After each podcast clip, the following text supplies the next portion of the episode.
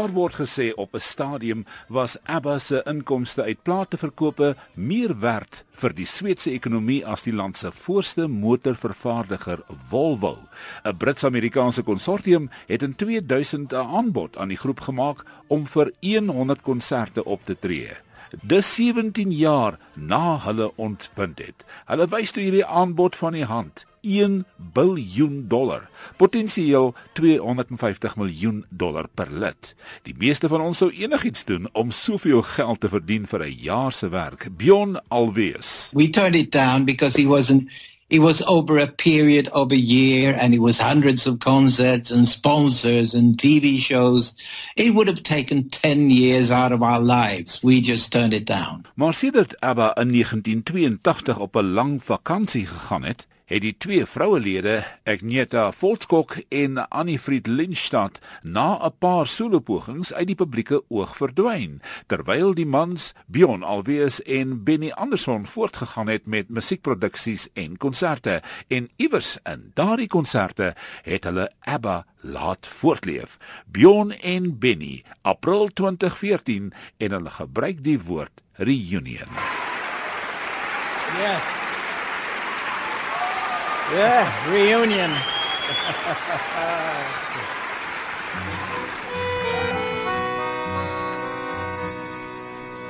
Thank you for the music, the songs I'm singing. Thanks for all the joy they're bringing. Who can live without it? I ask in all honesty. What would life be? Without a song So I say thank you for the music, for giving it to me. Om een of ander rede kry mense die gevoel dat die twee manslede die nalatenskap van ABBA laat voortleef. Vir 'n rede miskien, maar deur die jare ontken hulle heftig dat ABBA ooit weer saam op 'n verhoog sal optree. I don't think so. No. Uh, and uh, we've had a lot of offers, but uh, we have our own life now since many years back, and we don't understand why we should do it because we are we have had our time, and uh, I think we should let ABBA rest and just listen to the music. But it was a fun period, wasn't it? Yeah. Good time. Um, bursting creativity, uh, hectic. No, it was fun. Yeah. But I think it's nicer to remember it rather than be in the middle of it, you know. Mm. You never know what's going to happen. But I mean, there is, there is no reason. I like my life as it is. I know the others do too. Yeah. And I have a lot of things to do that I enjoy. I have my band and I have family and Yeah. grandchildren, and we would regret that we, if we came back, Yeah. We'd, and so would the audience, because I, I think it's. I mean, there was it was ten good years that we had. We were young and we were full of energy, and we liked what we were doing. You know, if you don't like what you're doing, I think you should stay away from this. Waarom het ABBA opgebreek in 1982? Dis die vraag. Die groep het bestaan uit twee paartjies, Annie Fred Lindstad en eh, Benny Anderson. Hulle was getroud en Agneta Volskok en eh, Bjorn Alwees. Die huwelike het gelei onder die druk van toere en harde werk wat gepaard gegaan het met die eise van wêreldbekendheid. Dit het gelei na die twee egskeidings. Die lede het egter tot aan die einde ontken dat egskeidingsdruk op die groep geplaas het.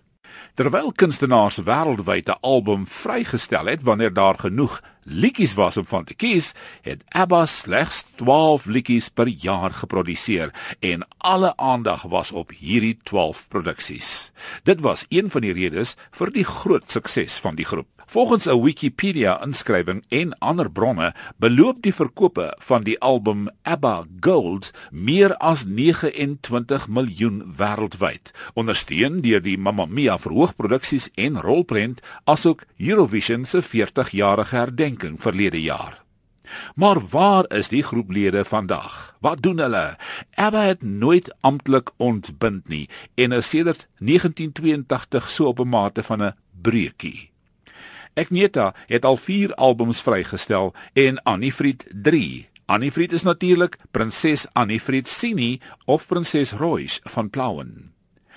Bjorn en Benny is nog steeds kliphard besig met musiek en mag moontlik spoedige aankondiging maak oor 'n een eenmalige konsert deur ABBA. Die kort verslag van die BBC. Exciting news for ABBA fans. The rift might be over and the foursome from Sweden could reform one last time.